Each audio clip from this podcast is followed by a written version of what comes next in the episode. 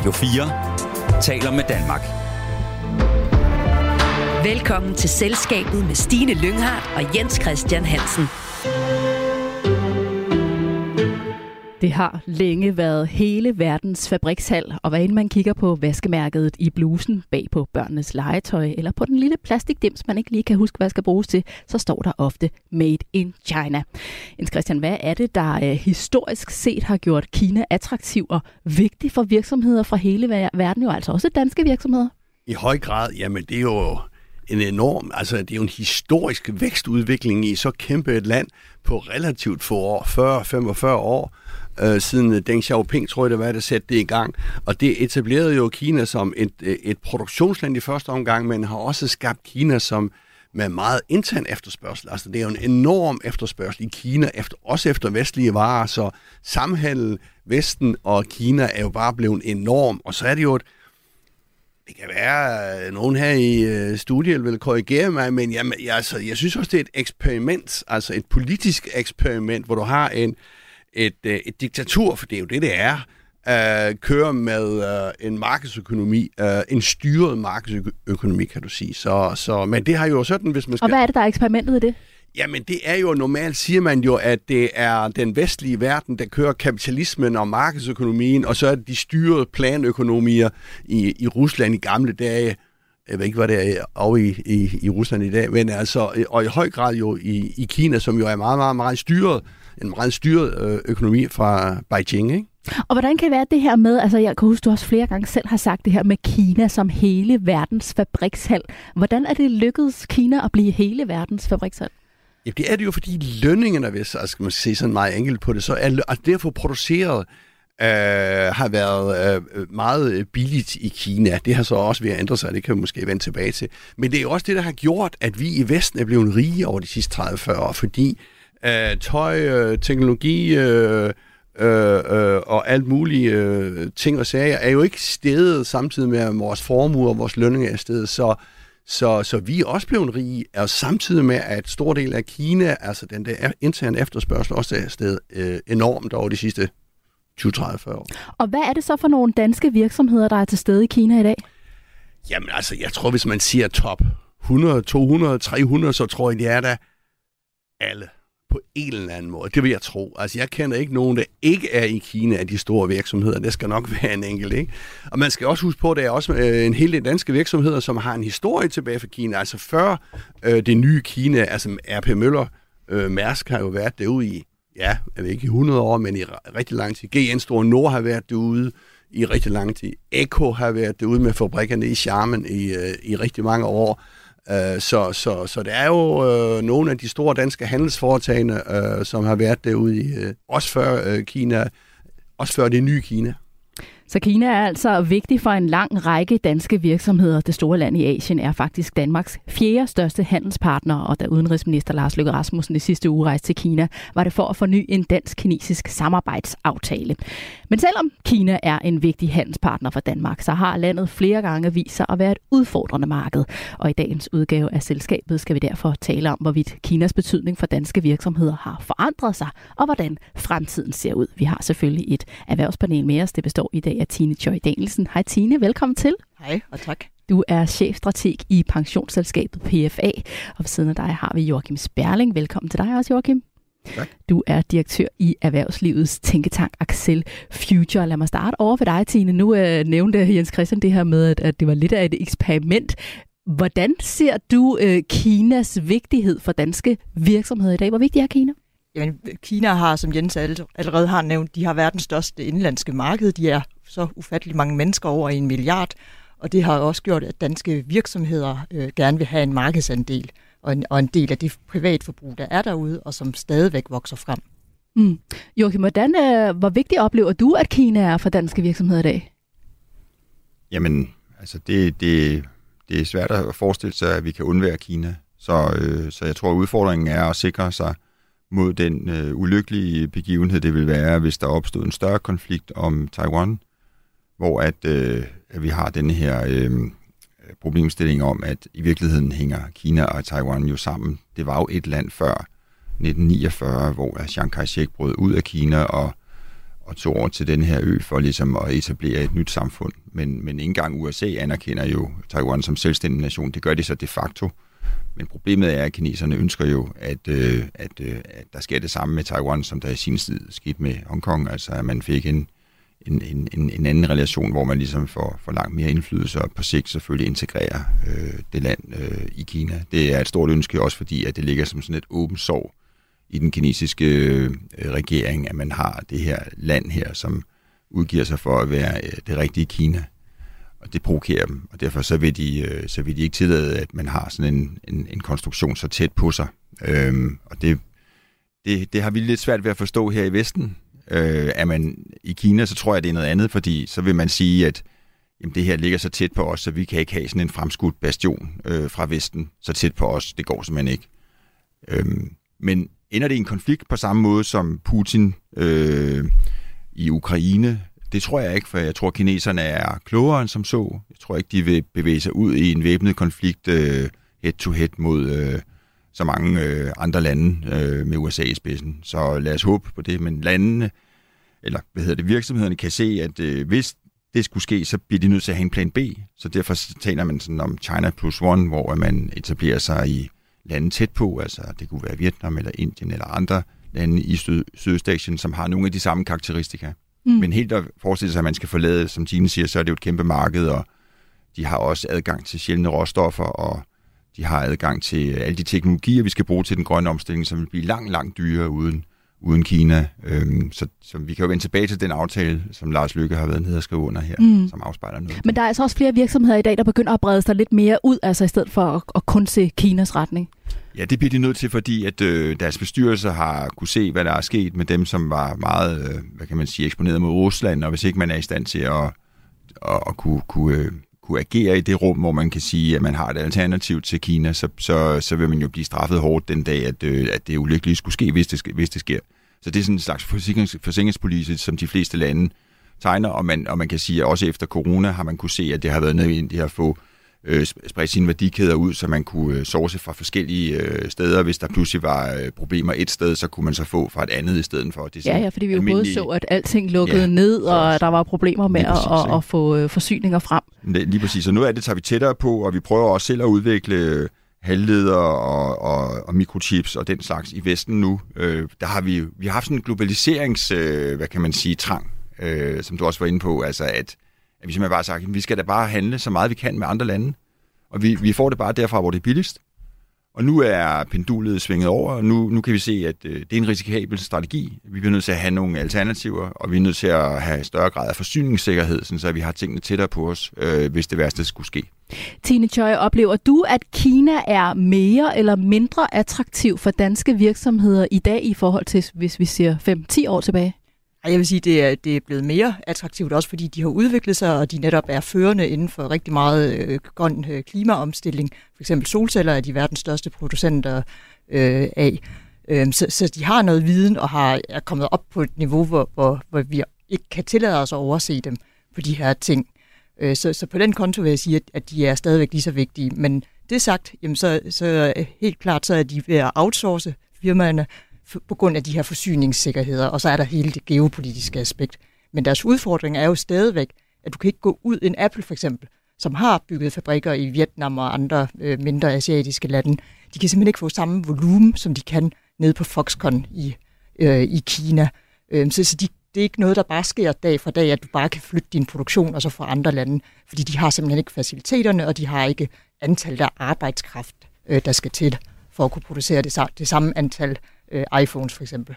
Jens Christian? Ja, men jeg ser på, altså det er jo rigtigt det, uh, interessant, det du siger, Tine, det der med, at uh, hvad skal man sige, Kina er ligesom uh, flere, mange ting, de har selv et højt uh, forskningsniveau, de uh, udvikler selv elbiler osv. osv.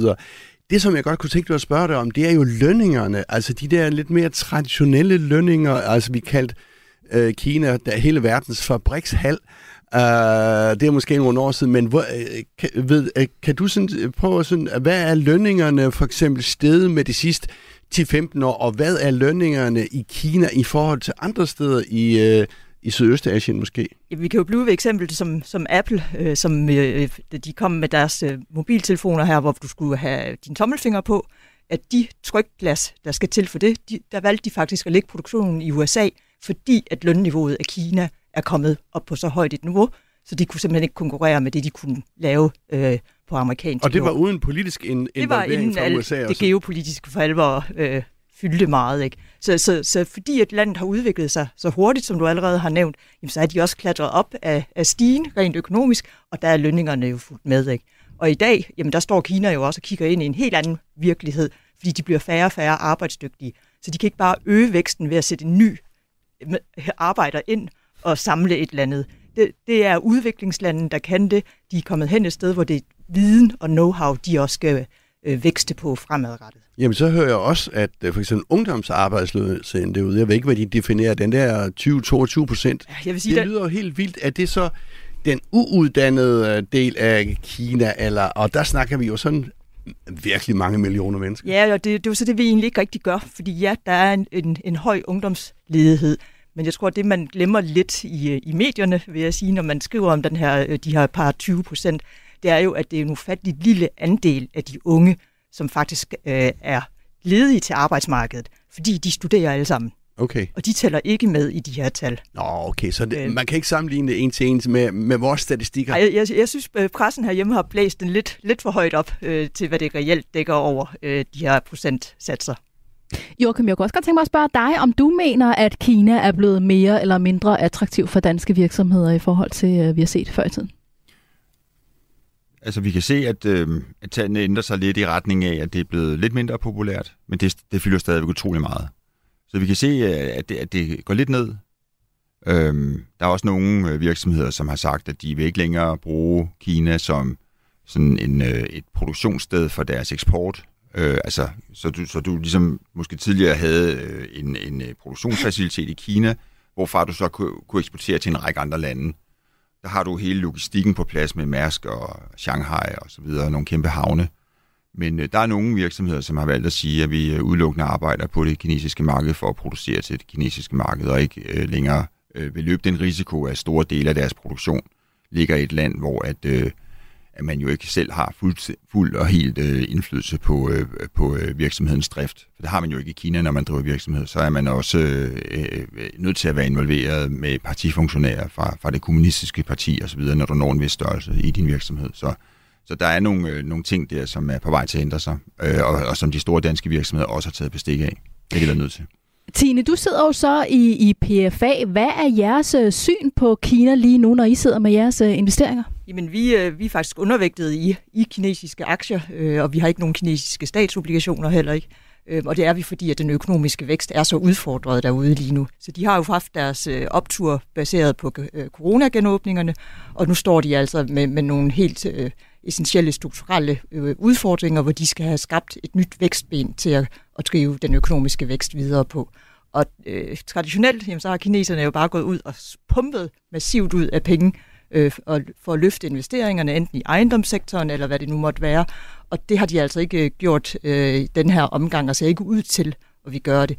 De skal have, have ryddet op i økonomien, så de får privatforbruget op og til at blive, blive den drivende, øh, det drivende vækstben, frem for at det er privatforbruget i Europa og i USA, der skal drive det. Ja, altså, jeg ved, du har jo rejst meget ud i, øh, i Kina selvfølgelig, øh, men jeg tænker på hele den der vækst, øh, fordi jeg ved ikke, om det stadigvæk gælder, der sagde man, okay, de skulle have en vækst på 6% om året, for ligesom at holde befolkningen i ave, altså du skulle alle de mennesker fra landet ind, og de skulle have arbejde i byerne.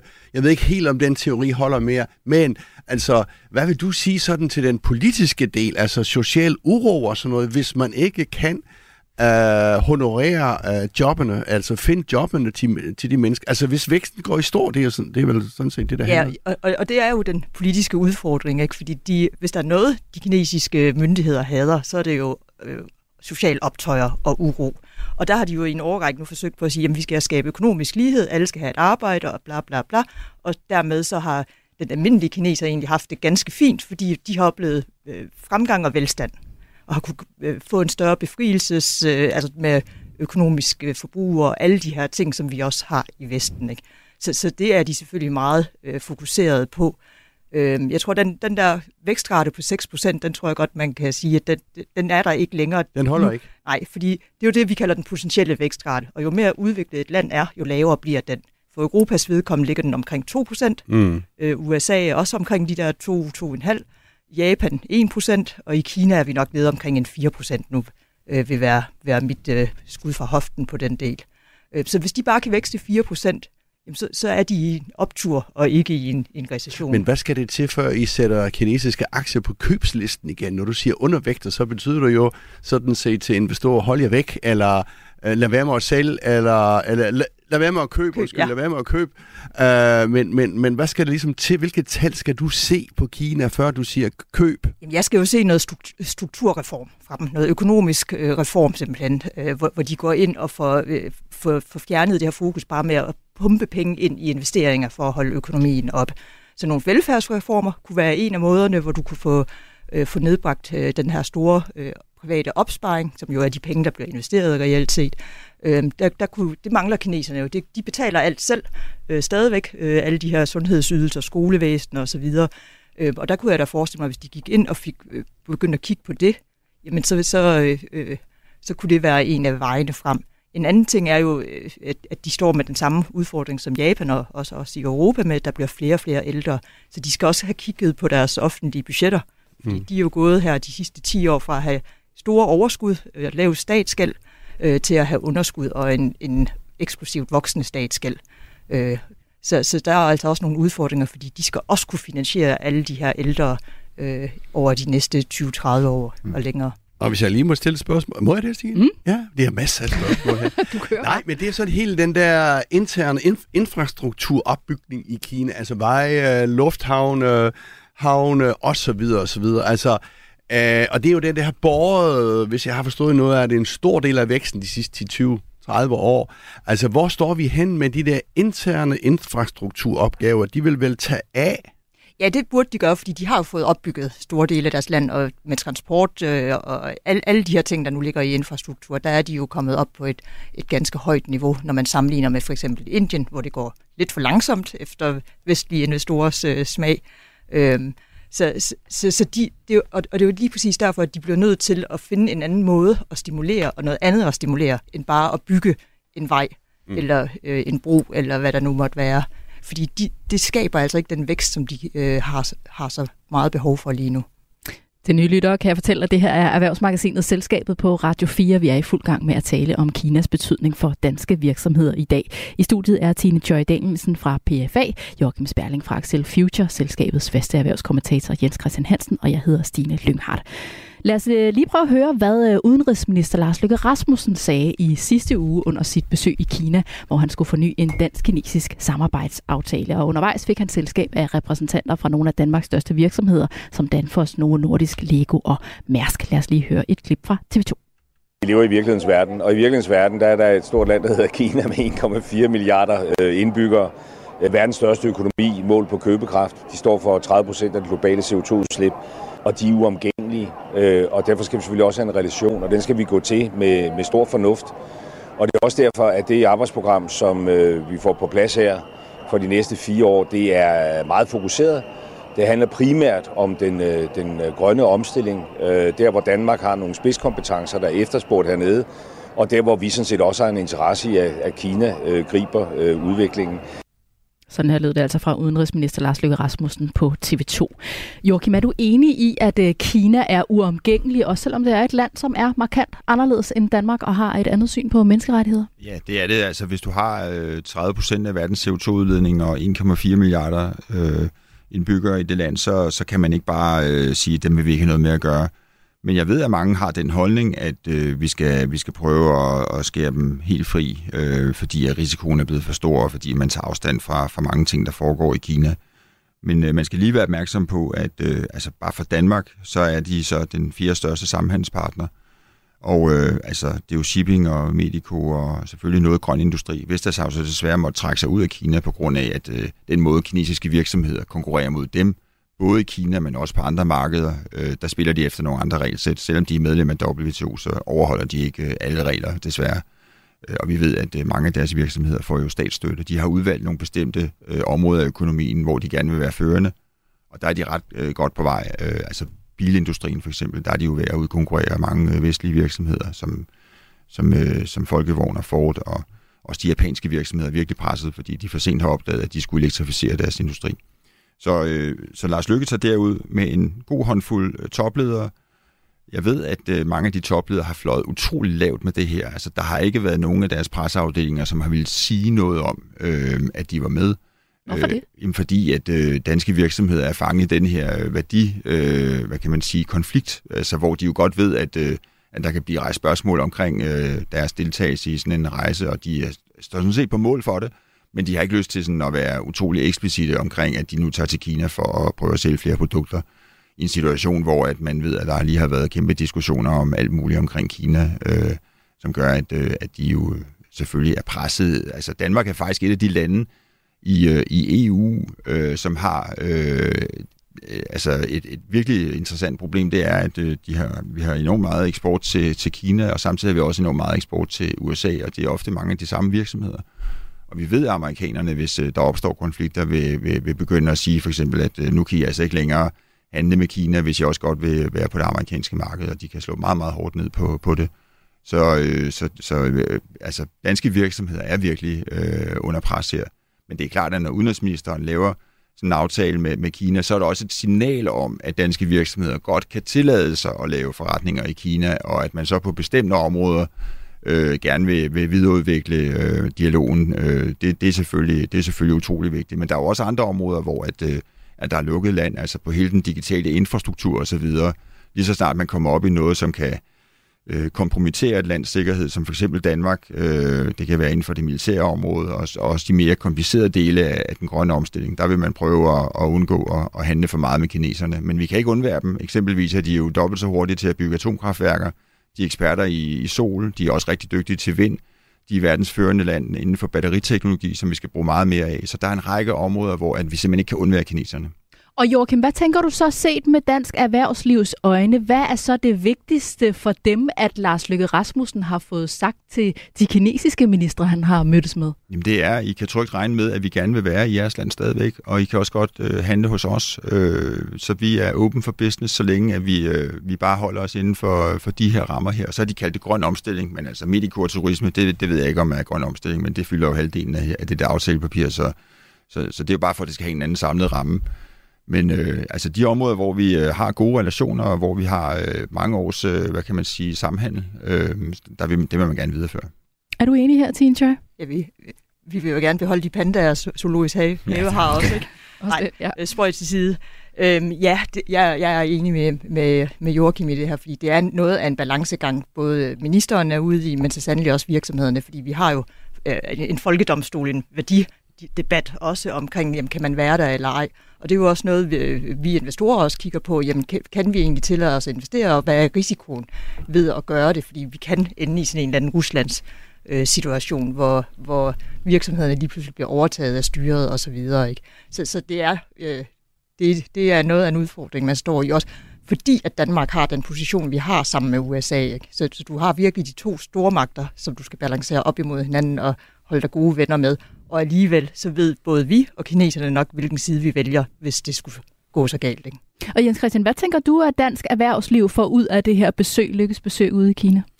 Ja, men det er jo lidt i forlængelse af det, som, øh, som Joachim siger, at øh, jeg vil ikke sige, at det bliver blåstemplet, og så skal han jo også sige det der ting, som øh, sådan helt per, per automatik, at vi er ikke så glade for jeres menneskerettighedssynspunkter osv. osv. Men, øh, men øh, det kan man godt leve. Man kan godt have de der to forskellige budskaber. Jeg har været, på, været med på flere delegationsrejser, hvor hvor, hvor politikere og kongehus og sådan 30 erhvervsledere rejser rundt i Kina der og åbner døre. Så det er noget med at skabe nogle kontakter.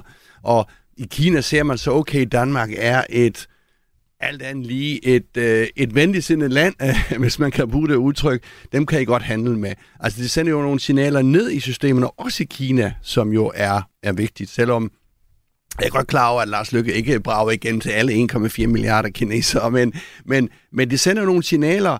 Øh, de danske, de skal sgu nok finde ud af det alligevel, men, men jeg, jeg, jeg tænker i høj grad også internt i Kina.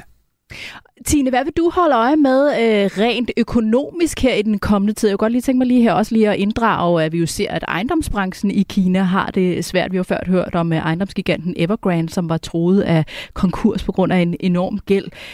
Hvordan ser du på, på fremtiden øh, økonomisk? Jamen det, det er jo de, øh, den økonomiske politik og de her reformer, som jeg efterlyste i starten, også, som, som jeg går og venter på, at de virkelig tager greb om tingene, og så lader de noget af alle de her for eksempel ejendomsselskaber gå konkurs simpelthen, mm. i stedet for bare at skubbe nye penge ind i dem. Men det er jo der, der er vi tilbage i den der balanceagt, de har mellem at have en befolkning, som ikke føler sig ramt øh, direkte på privatøkonomien osv., øh, og så holdt, holdt op imod nogle andre politiske målsætninger, som, øh, som, hvor de gerne vil undgå øh, social optøjer. Ikke? Men jeg synes også, jeg læser, at der er ligesom en, det er i hvert fald nogen, der siger, at der er en boligboble, og vi kan jo alle sammen kende her, vi, vi ved alle sammen, hvad boligbobler gør. Altså en boligboble i det private øh, ejendomsmarked i, uh, i øh, Kina. Altså hvis man skal igennem sådan en boligboblekrise, så rammes den almindelige kineser vel på sin købekraft og sin tillid til uh, fremtiden osv. osv. Så man kan lade Evergrande og hvad det nu hedder, gå ned og måske styre en afvikling, men det kan man vel ikke sådan med private boliger? Nej, de bliver jo ramt, og de er blevet ramt. Altså boligpriserne er jo faldet øh, over, over det seneste års tid, og også nærmest øh, ja, mange år faktisk. Øhm, så, så, så det er øh, svært at undgå at ramme dem på privatøkonomien. Men, men det er der, jeg mener, at de bliver nødt til at komme med den her øh, store plan øh, og, og få forklaret befolkningen, hvorfor de skal igennem det her, fordi de har altså nogle, en økonomisk struktur, der skal tilpasse sig til en ny økonomisk virkelighed. Og det kan de næsten kun gøre ved, at det skal gøre ondt. Øh, og det er jo det, de helst ikke vil, vil gøre, og, og derfor så bliver det sådan noget lappeløsning, og de øh, sparker dåsen længere ned ad vejen. Det har de gjort lige siden finanskrisen. Og nu står vi altså et sted, hvor, hvor det er blevet meget mere nødvendigt, og hvor væksten og investorerne trækker sig jo fra landet også. Joachim, øh, jeg vil lige runde af over ved dig. Hvad tænker du, at virksomhederne skal tage højde for i deres overvejelser i forhold til deres fremtidige tilstedeværelse i Kina? Jamen, så er det jo at, øh, at øh, prøve at, at have et alternativ til, til Kina, at øh, selvfølgelig også stadigvæk øh, udnytte de muligheder, der er. Det, man jo kan håbe på i Kina, er, at øh, privatforbruget det, det stiger. Altså, det har altid undret mig lidt, at, øh, at øh, den kinesiske vækst kun var drevet af investeringer og så eksport. Altså, øh, hvordan, hvordan får man del i, øh, i, øh, i, i det, hvis, hvis, hvis øh, den kinesiske regering ligesom finder ud af at få brudt den der kode med at få øget privatforbrug i Kina, sådan at, øh, altså ikke fordi det ikke er stort, men, men, men det kunne, altså, den, den almindelige kineser kunne godt måske have et større disponibelt beløb til rådighed, og, og det vil jo selvfølgelig kræve nogle, nogle strukturelle forandringer i den kinesiske økonomi. Hvis, men, men hvis det sker, så, så vil der være et, et stort marked derude, øh, og de kan jo godt lide øh, vestlige produkter, så, så der vil stadig være muligheder, men, men det er helt klart at, at have et alternativ øh, til Kina, at, at der er nummer et på listen hos, øh, hos danske erhvervsledere, det er der ingen tvivl om. Det og så at være med til at, at sørge for os at understøtte, at vi kan have alternativer på, på de kritiske råstoffer og den slags, øh, som, som, som der kan opstå problemer med. Så alternativer er ja. vigtige. Jens Christian, havde du lige en kort kommentar? Ja, men altså, øh, nu smider jeg Indien ind i den bowl også der, fordi det, over de næste 10-20 år skal det jo vise sig, om, om Indien kan tage noget af det. Det er jo verdens folkerigeste land nu, og Kina falder voldsomt, hvis ellers de fremskrivende værker. Øh, eller, øh, øh, så, så over de næste 10-20-30 år, der bliver Indien jo et, øh, øh, vil jeg tro, meget interessant issue. Både sådan at sælge varer, men også at få produceret varer.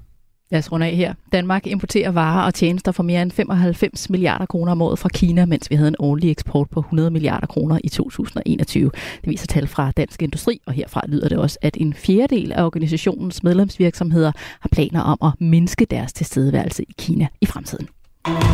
Du lytter til Selskabet på Radio 4. Tine Joy Danielsen, Jørgen Sperling, Jens Christian Hansen. Vi skal have en quiz. Det er jo her, vi for alvor tester, hvor godt I egentlig følger med i erhvervsnyhederne. Er I klar på den? Det er godt, yes. der bliver nikket herovre. Mm, mm. Tine og Joachim, I er på hold sammen og spiller mod Jens Christian. Det er jo sådan, at vi her i programmet spiller gæsterne mod erhvervskommentatoren. Og det er lige nu erhvervskommentatoren, som har føretrøjen på. Stillingen er 2-1 til Jens Christian. I dag handler quizzen om noget, som ingen andre for alvor er lykkedes med her i Danmark. Det skal handle om levering af dagligvarer. Bilka har nemlig annonceret, at de nu er klar til at levere dagligvarer til danskerne hjemme hos dem selv. Ja, Bilka er jo ikke de første til at forsøge sig med, og flere har altså også måtte konstatere, at det er svært at tjene penge på det.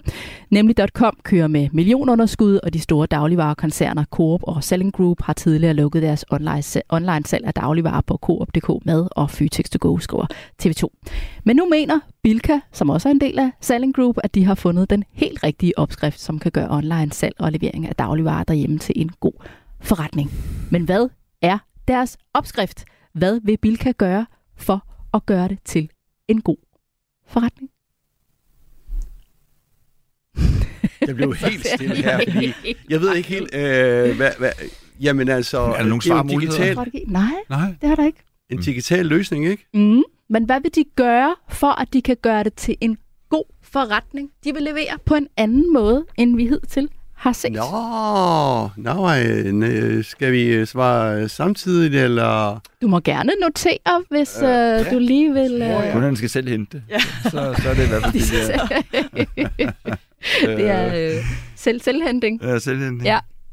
Hvad tænker I? Det, det må Det jo være sådan et eller andet noget med, at, at at det skal leveres, når folk er hjemme, i stedet for, at, øh, at der bare står en kasse, som man ikke ved, om står der overhovedet.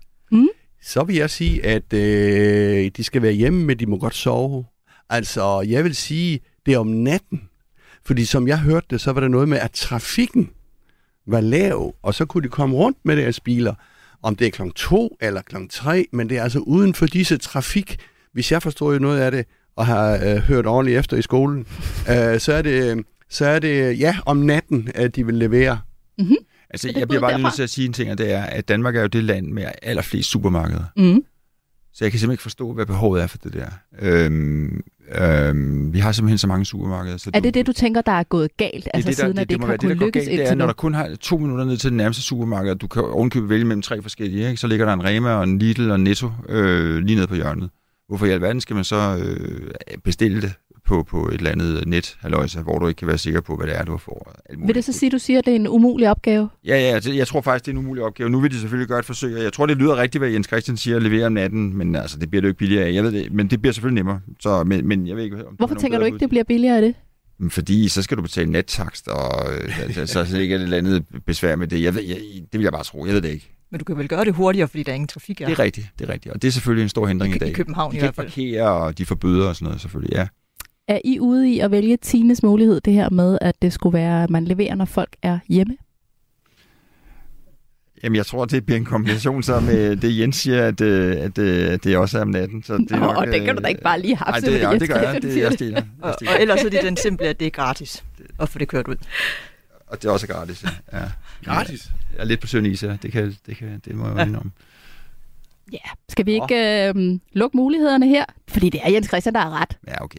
Mm. Det er fordi, altså Bilkas opskrift på, at det her det skal blive en succes, det er, at varerne bliver leveret om natten. Det skal være med til at holde omkostningerne nede, blandt andet fordi der er mindre trafik. Og derudover mener Bilka også, at de er godt klædt på, fordi de i forvejen har et lignende koncept, hvor kunderne henter varer i butikken, så der allerede er styr på logis- logistikken. Så det var altså dig, der havde ret, Jens Christian. Men hvad siger du til det her, du hører over fra Joachim? Altså, er det overhovedet noget? Kan, altså, hvor meget sparer man lige på det? Jamen altså, det var også min første tanke, at hvis man skal betale nettakst og overtidsbetaling og hvad det nu hedder, altså mad mindre selvfølgelig, øh, den store selling group øh, gør det sort, øh, det tror jeg nu ikke, øh, det tror jeg nu næppe, de gør. Men de må jo have siddet og lavet nogle beregninger på det der. Altså, hvor lang tid skal du sidde i kø klokken 4 om eftermiddagen i København og Aarhus og Aalborg? Øh, og øh, altså, altså, det, he, altså det, det handler jo om effektivitet, og jeg tror faktisk, at de gør det dyrere end nemlig.com, hvis jeg husker ret. Per levering er det noget med 60, 70, 80 kroner, hvis jeg husker ret. Ja, jeg har nogle tal, jeg faktisk godt lige kan give jer, Nå, fordi okay, for at få okay. øh, dagligvarerne leveret Men- til døren, skal kunderne Men jeg købe. kunne godt tænke mig at se det regnestykke, de også laver der, ikke? Men, øh, men det er jo også... Øh, Hvad skal de købe for? 700? De skal købe for mindst 500 kroner, 500? og leveringen koster 68 kroner. Er det ikke 58 i nemlig.com? Det kan Jeg jeg, tror, ikke jo, jo det, var noget, det er noget med en 10 dyre, og så tænker man, Mm. ah, skal vi nu spare en 10 og sådan. Altså, hvor prisbevidste er vi forbrugere? Det, det ved jeg ikke. Men hvad tænker du om det, Tine? Altså, det, man skal købe for mindst 500 kroner, og leveringen koster 68 kroner. Er det noget for dig at benytte sådan en tjeneste her? Det vil da være dejligt, hvis de vil køre over broen til Malmø med, med varerne til mig. Nu bor jeg i Malmø. Nej, øh, det, det ville det ikke være, fordi jeg, jeg har det stadigvæk, jeg, jeg tror, jeg har stadigvæk både tiden og den fysiske form til selv at, at hente mm. mine varer. Og så er jeg lidt gammeldags, så jeg kan godt lide at, lige at røre og se på de der tomater, jeg ja. nu engang køber, end at lade andre vælge dem til mig. Og lige tryk på fersken og ja, nektarinen. lige præcis. det er jo så irriterende, fordi der kommer der jo mærker i jo. Men hvem tænker du, Tine, hvem er det, der vil, øh, vil bruge sådan en service Jamen det er jo øh, fortravlede mennesker, som ikke øh, gider at bruge tiden på at, at handle det selv, og øh, eventuelt øh, ældre mennesker eller folk med fysiske mm. udfordringer, som så kan få det her leveret og, og være sikker på, at det kommer frem til, når du også skal bruge det så. Ikke? Jeg tænker, det nok også har været en af udfordringerne, hvis det har været trafikken, at man så ikke har fået det, inden man faktisk skulle i gang med at, at lave de ting, man nu skulle lave til aftensmad for eksempel. Hvad med dig, Joachim? Vil du bruge sådan en uh, tjeneste? Altså øh, jeg vil bruge noget, som, øh, som kan give mig noget, som jeg ikke kan få andre steder, for eksempel årstiderne. Det bruger vi. Brugt i mange år, og det er godt. Altså der laver de jo øh, nogle kasser, som øh, hvis jeg selv skulle ud og købe det, så skulle jeg fire forskellige steder hen. Jeg ved, at det kommer fra producenter, som øh, kan stå på mål for deres produkter. Det, øh, der er opskrifter.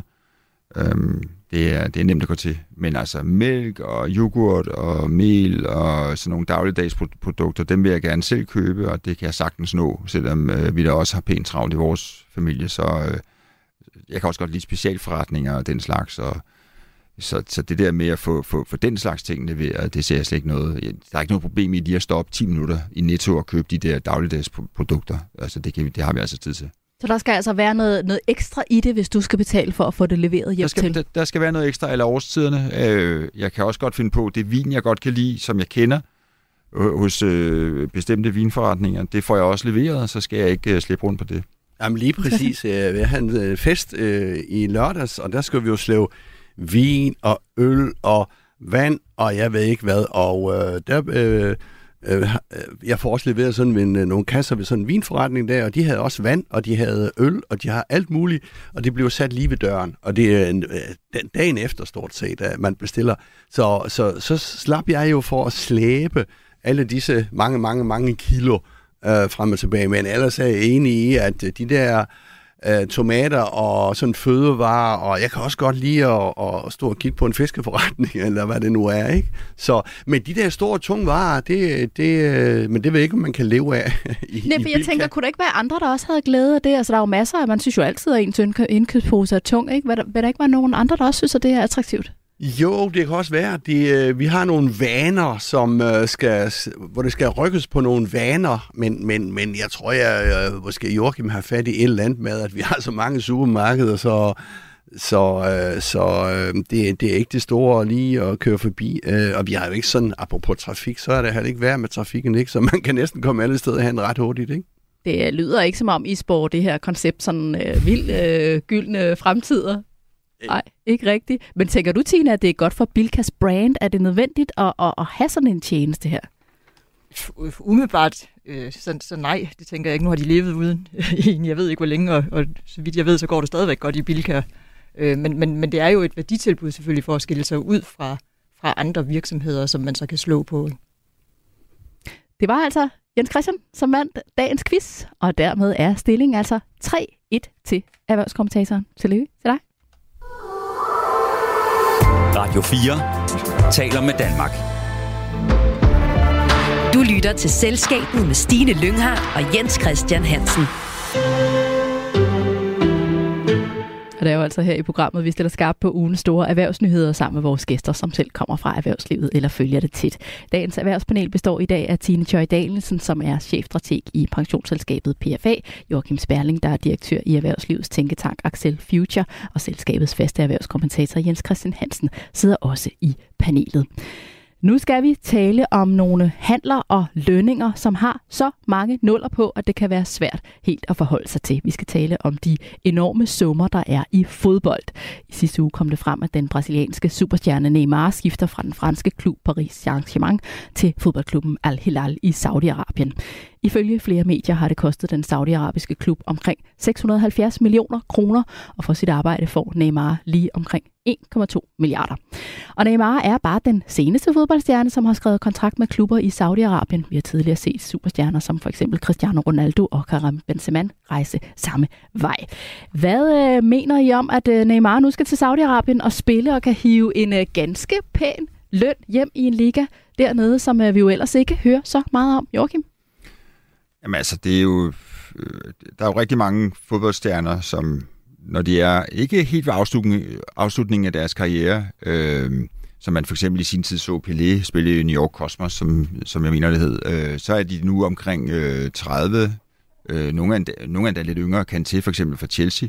Han er, han er ikke fyldt 30 nu, så vidt jeg ved. Øh, men men øh, altså Benzema, øh, Neymar, det er jo spillere, som har gjort det godt over en meget, meget lang periode, og som så er blevet lukket ned i det der. Øhm, jeg synes, det er synd for fodbolden, fordi de kommer til at spille uden for det europæiske system. Så de kommer til at spille i en liga, som, som orienterer sig mod Asien, øh, men som jo tiltrækker de navne, fordi at øh, fodbold er kæmpestor i Europa og i Sydamerika, og, øh, og, og det ved de godt. Øh, så hvis de skal have noget af det der stjernestøv, så må de øh, købe spillerne. Og de har jo øh, ubegrænsede midler, fordi det er jo den øh, saudiske regering, selvom de har privatiseret deres fodboldklubber, så, så, er, det jo, så er det jo fra olien, at pengene kommer. Øhm, og øh, så de her fodboldspillere her, de, øh, de tænker sikkert, at øh, nu gør de det her i to år, så tjener de en milliard eller et eller andet helt vanvittigt beløb øh, på det, og så øh, kan de øh, slutte deres karriere. Altså, det som saudierne, saudierne ønsker nu, øh, nu prøver de at lave en liga, der er så stærk, at deres øh, bedste hold kan deltage i Champions League. Det har de jo bedt om. Så de vil jo gerne ind i det europæiske fodboldsystem, og der kan de jo henvise til, at de israelske klubber jo i mange år har deltaget i UEFA, og det er jo så fordi, at, øh, at, øh, at der ikke er nogen andre øh, i den region, der vil have dem. Altså Israel er jo ikke et land, som, som Jordan eller Ægypten vil spille fodbold imod, fordi at der har været alle de konflikter. Så, så hvis saudierne kommer med, med, med samme argument, så, så kan de måske henvise til det. Men det, der jo styrer fodbolden, det er jo øh, tv-penge og den der kæmpe globale interesse, der er. Og hvis de bliver gode nok, de der hold, så, så kunne man godt forestille sig, at de får lov til at deltage i Champions League, og så kommer det til at stikke fuldstændig af. Og når du siger, at de er blevet lukket derned, er det så pengene, der lokker dem? Det er kun pengene, fordi øh, der er ikke noget at komme efter ellers. Altså selvfølgelig er fodbolden okay, men den er ikke på nær samme niveau endnu, og, øh, og der er nogle klimatiske forhold, der gør sig gældende, som gør, at du kan ikke spille midt på dagen, øh, og, og, og i vis omfang skal man også bruge sådan noget aircondition udenfor og så videre, og det er, det er utrolig varmt, og øh, derfor så er det en, øh, en mærkelig udvikling desværre, som ikke gavner spillet. Tina, er du enig her? Det er en mærkelig udvikling, som ikke gavner spillet? Jeg synes, øh, det sportslige er, er, er forsvundet lidt, når der kommer så store beløb ind, og at man, øh, som Joachim siger, lokker, øh, lokker spillerne derned. Ikke? Det er jo ikke fordi, altså tillykke, tillykke til dem, det er øh, ingen tvivl om, at, at, at det er der noget af en, en økonomisk øh, gevinst at få øh, en årsløn på over en milliard øh, for at løbe rundt efter en bold. Ikke? øh, det, det siger lidt om min holdning til fodbold. men, men, men, men ja, jeg synes, det sportslige forsvinder, når vi lige pludselig har så store summer inden øh, over os. Og, ja, og de skal være ned, som Joachim også siger, og opbygge en, en liga, som måske ikke rigtig egentlig eksisterer, og hvor de heller ikke får noget sportsligt Øh, I hvert fald ikke lige så meget, som de vi har gjort, hvis de var blevet i Europa. Så er der nogen, der siger det her med sportswashing. Ikke? Altså, at Saudi-Arabien jo gør det, fordi at de gerne vil investere i, at, øh, at man taler positivt om deres land, og det kan man så gøre gennem fodbold, og den positive interesse, der er for sådan nogle spillere som Ronaldo og, og Neymar og Benzema og andre. Øh, og så, så, så, så, så mange mener, at det er ham der, øh, Mohammed bin Salmans måde at sportswashe sig tilbage oven på mordet på Khashoggi. Og det kan jeg på en måde godt føle. Det tror jeg faktisk har lidt øh, på sig. Men siger I så også, at, at Saudi-Arabien på en måde her kommer til at købe sig til succes, Tine? Ja, det, det synes jeg, de gør. Eller det er i hvert fald det, de forsøger på at gøre. Fordi der er jo en grund til, at det er lige præcis, at de spillere, de, de tilbyder. Det er jo ikke en, en ukendt europæisk øh, spiller selv i, i den bedste liga, som de, som de inviterer ned og, og tilbyder en kontrakt.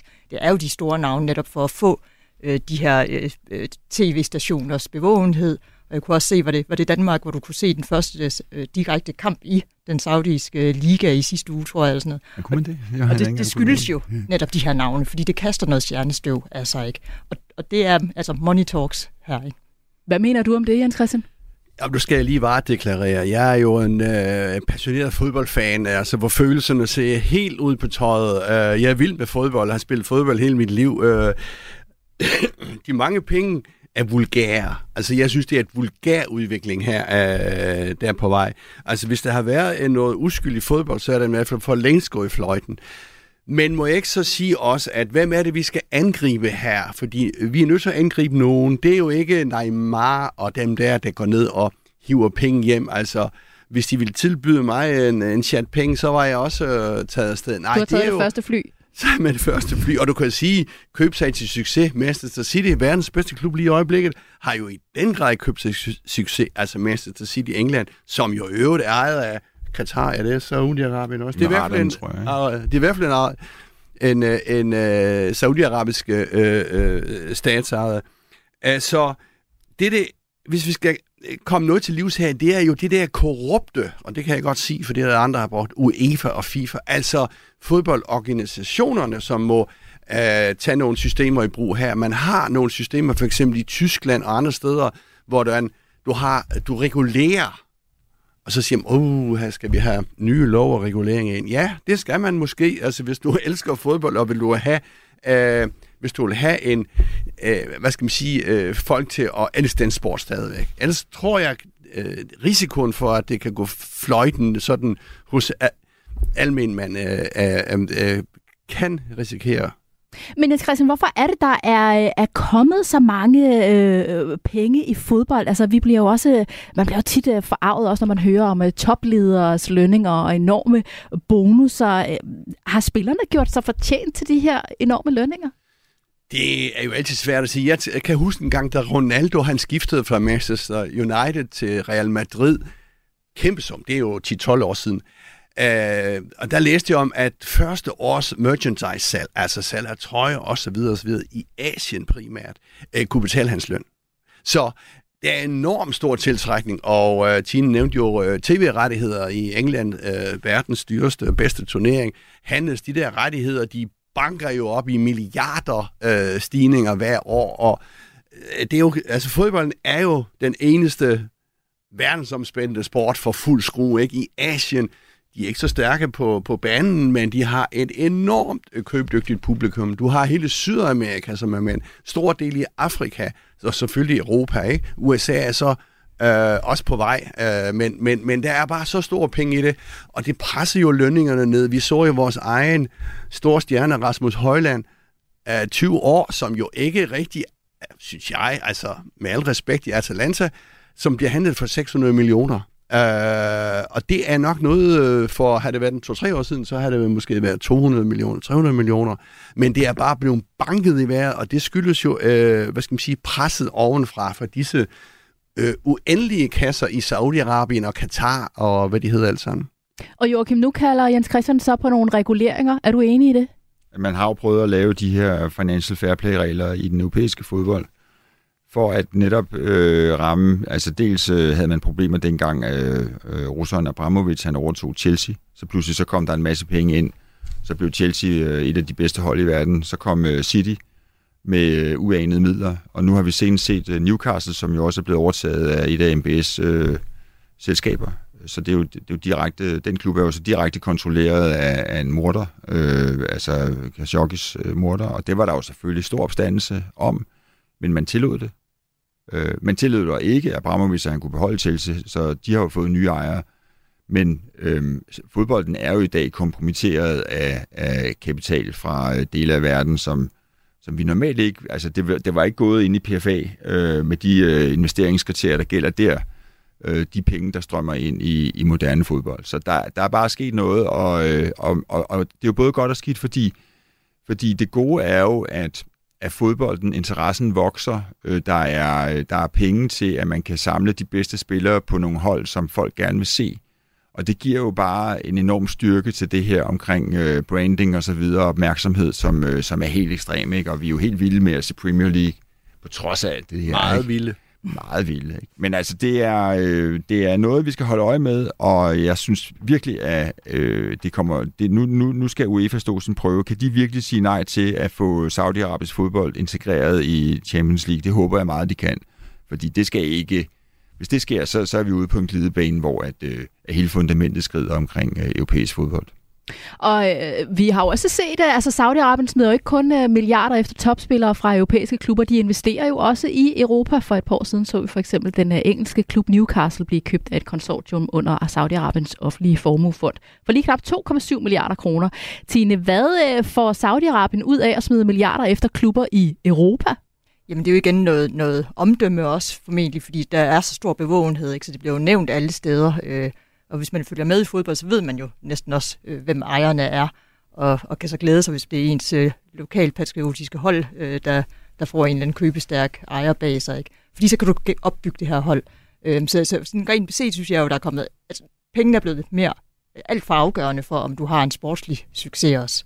Så har du pengene, jamen, så kan du købe de rigtige spillere og komme på de rigtige tv-kanaler og lave det rigtige merchandise osv. Så, så, så det er blevet en, en virksomhed, øh, øh, i langt højere grad, end, end det jo er det sportslige i sig selv. Synes du, der er forskel på, om det er saudier, der køber sig ind i forhold til, hvis det nu var englænder eller amerikanere eller russere, som I også er inde på? Nej, der, der, for, for mig at se, er der nogle gange lidt noget rimands hobby over det, ikke? At der sidder en eller anden rigmand et eller andet sted, som, som synes, det kunne være sjovt at eje et fodboldhold, ikke? Og så kan blære sig over for sine venner, tror jeg, tænker jeg.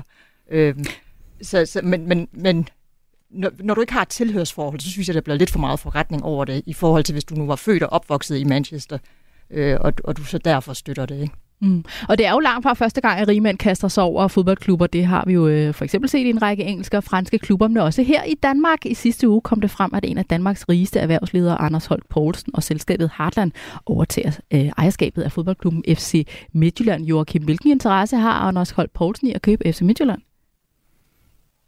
Jamen altså, han har måske set, at øh, FC Midtjylland jo i en lang periode har gjort det rigtig godt øh, under Matthew Benhams ejerskab, hvor man har det her sportsodds, øh, som, som har gjort det muligt at, øh, at udvikle spillere ved hjælp af nogle bestemte statistiske metoder og målinger på, på spillernes kompetencer osv., som har været ret godt, så man kan præstere over evne. Det er det samme, man ser i Brentford, som også er ejet af, af Benham, altså hvor de går ind helt øh, videnskabeligt til værks. Øhm, men altså at tjene penge på fodbold, det er der faktisk kun ganske få klubber, der har gjort. Altså FC Nordsjælland har været rigtig dygtige til det. De har solgt unge spillere og har ligesom sagt, okay, altså det kan godt være, at vi, øh, vi bliver mestre en enkelt gang imellem og sådan noget, men det er ikke det, vi satser på. Vi satser på at, at udvikle spillere og sælge dem bagefter.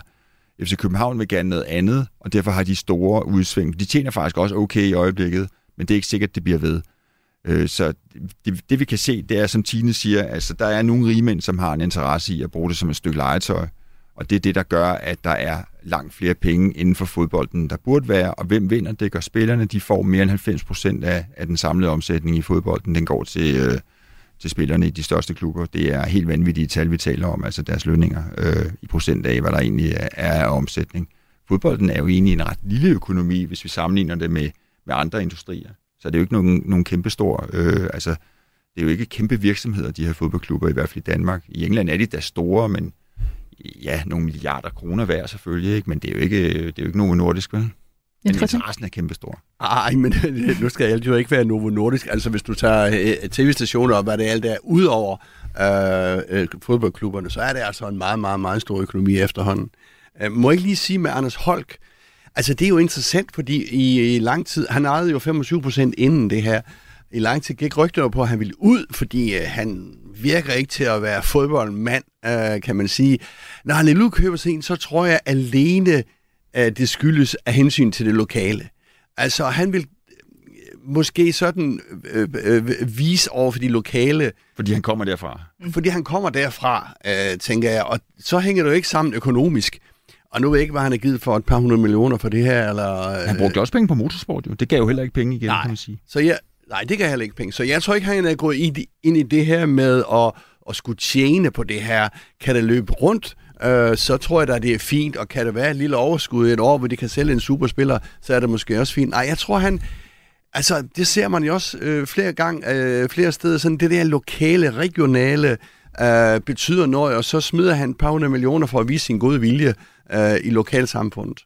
Så det er altså, at du tænker, at Anders Holm Poulsen er drevet af noget andet, end, øh, end hvis en, en, russisk, øh, en russisk rigmand køber sig ind i en engelsk klub, for eksempel. Vi har også set en øh, amerikaner købe sig ind i Sønderjyske på et tidspunkt. Ja, altså, det, måske er det lidt af det samme. Altså, hvis Abramovic, øh, han skulle vel bare øh, bevæge sig op i de øverste øh, øh, øh cirkler i, i London, og så kan man sige, at Anders øh, Holk Poulsen vil gerne bevæge sig op i det øverste cirkler i Brande omegn. Nej, altså det er det der med, at du tænker alternativt. Altså, eh, Abramovic eh, førte jo et par millioner ind i den klub, et par milliarder ind i den klub hver år. Øh, så, så, så det er sådan lidt legetøj, kan du sige. Øh, men, men lige for Anders Holk tror jeg, ja, legetøj, men han er ikke fodboldmand, så det må være et lokalt øh, branding øh, issue, det der.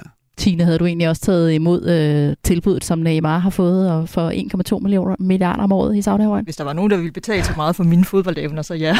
Hvad med dig, Joachim, helt kort? Jo, jo, jo. Naturligvis er der. Det ville I altså alle tre øh, tage det første fly derned. Vi runder af her. TV2 skriver, at mindst 24 fodboldstjerner er skiftet fra europæisk til saudiarabisk fodbold i løbet af sommeren. Og ifølge nyhedsbruget AFP forsøgte Neymars nye klub Al-Hilal i sidste måned også at hapse den franske superstjerne Mbappé og bød 300 millioner euro for ham, hvilket svarer til over 2 milliarder kroner. Men Mbappé nægtede angiveligt at mødes med topfolk fra klubben. Vi er nået til vejs ende i selskabet i dag. Tak til vores gæster, Tine Choi Danielsen, chefstrateg i PFA, og Joachim Sperling, direktør i Axel Future. Og tak også til dig, Jens Christian. Selskabet er tilbage på næste onsdag, så jeg håber, at vi lyttes ved, der programmet var produceret af Beam Audio Agency for Radio 4. Radio 4 taler med Danmark. Du har lyttet til en podcast fra Radio 4. Find flere episoder i vores app, eller der, hvor du lytter til podcast.